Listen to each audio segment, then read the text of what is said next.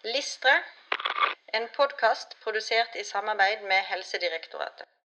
Allmennmedisinsk læringsmål ALM 019. Selvstendig kunne formulere henvendelser og henvisninger slik at de inneholder relevant informasjon og bidrar til oppnåelse av nødvendig helsehjelp for pasientene. Ja, dette er jo helt sentralt i samhandlingen med grenspesialistene. Ja, organspesialistene. Ja. Mm. Fordi at i eh, andrelinjetjenesten, så for å komme inn der, så må man jo skrive henvisning. Ja, og de kan jo ikke gjøre noen vurdering av pasienten som går utover det som står i henvisningsteksten. Nei. Og da må man være klar over som fastlege at det er noe som heter pasientrettigheter. Eh, og at ved sånne og sånne symptomer og sånne og sånne tilstander, så har pasienten rett til helsehjelp, som det så fint heter. Ja. Og, og faller da inn under noen lovparagrafer i eh, andrelinjetjenesten. Og nå tror jeg ikke at vi skal sitte og huske nøyaktig hvor den grensen går. Det finnes da gode datastøtteverktøy for. Det kan man slå opp. Det går an. Uten at jeg tror man skal verken oppfordre til det på en jevnlig basis eller ikke. Men det som er viktig, er at du klarer å lære deg å gi en så god og saklig beskrivelse av de medisinske problemene at pasienten, hvis de har rettigheter, får utløst de rettighetene.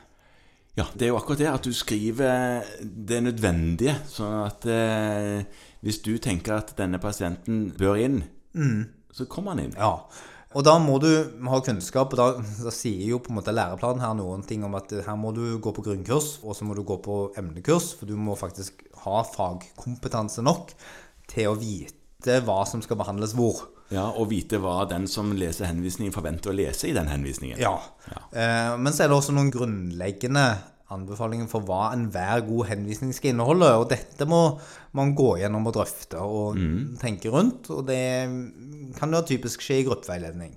Ja visst. Ja. Ja visst. Men det er viktig at man har en sånn standard mal for hvordan kommunikasjonen skal gå, så man ikke på en måte sender en diagnose, og det er det. Men at man fyller henvisningen med nødvendig informasjon. Og så er det ikke sånn at mer informasjon alltid er til nytte. Nei, nei, Nei. det skal være relevant. Ja. ja. Så ikke begynne med skapelsen hver gang. Nei, jeg trenger jo ikke det. Nei. Og så ble det for kort å skrive 'denne pasienten tror jeg dere bør se på'. I- Ja, eh, Som eh, jeg har sett et eksempel på en gang. ja, Det ble litt snaut. ja, det var sikkert riktig, men det var, Helt, ja, ja, det var det sikkert. men, men det var likevel litt snaut. Sånn at det å få øvd på det, og tenkt rundt det, og snakket om det, er viktig for å kunne fylle dette læringsmålet. Fordi når man er spesialist, så er det jo en av de tingene man faktisk forventer, egentlig før, at eh, man da er i stand til å skrive en god henvisning Ja. som gjør at pasienten må vente ikke lenger enn nødvendig Nei. på den hjelpen de har rett til. Samtidig så er det òg verdt å ta inn over seg at selv om du har skrevet en god henvisning, så kan det jo være at den pasienten ikke skal inn i eh, andrelinjetjenesten. Ja, faktisk er det sånn at hvis du skriver en virkelig god henvisning, så får du av og til bare til svar at dette kan vi faktisk ikke hjelpe med, og du må hjelpe dette selv. Eh, og så sparer du både pasienten for en unødvendig tur på sykehuset og organspesialisten for en unødvendig konsultasjon. Ja. Og så justeres forventningsnivået både hos deg og pasienten til riktig nivå. ja. Og da er det òg informasjon å ta med seg videre i behandling av den aktuelle.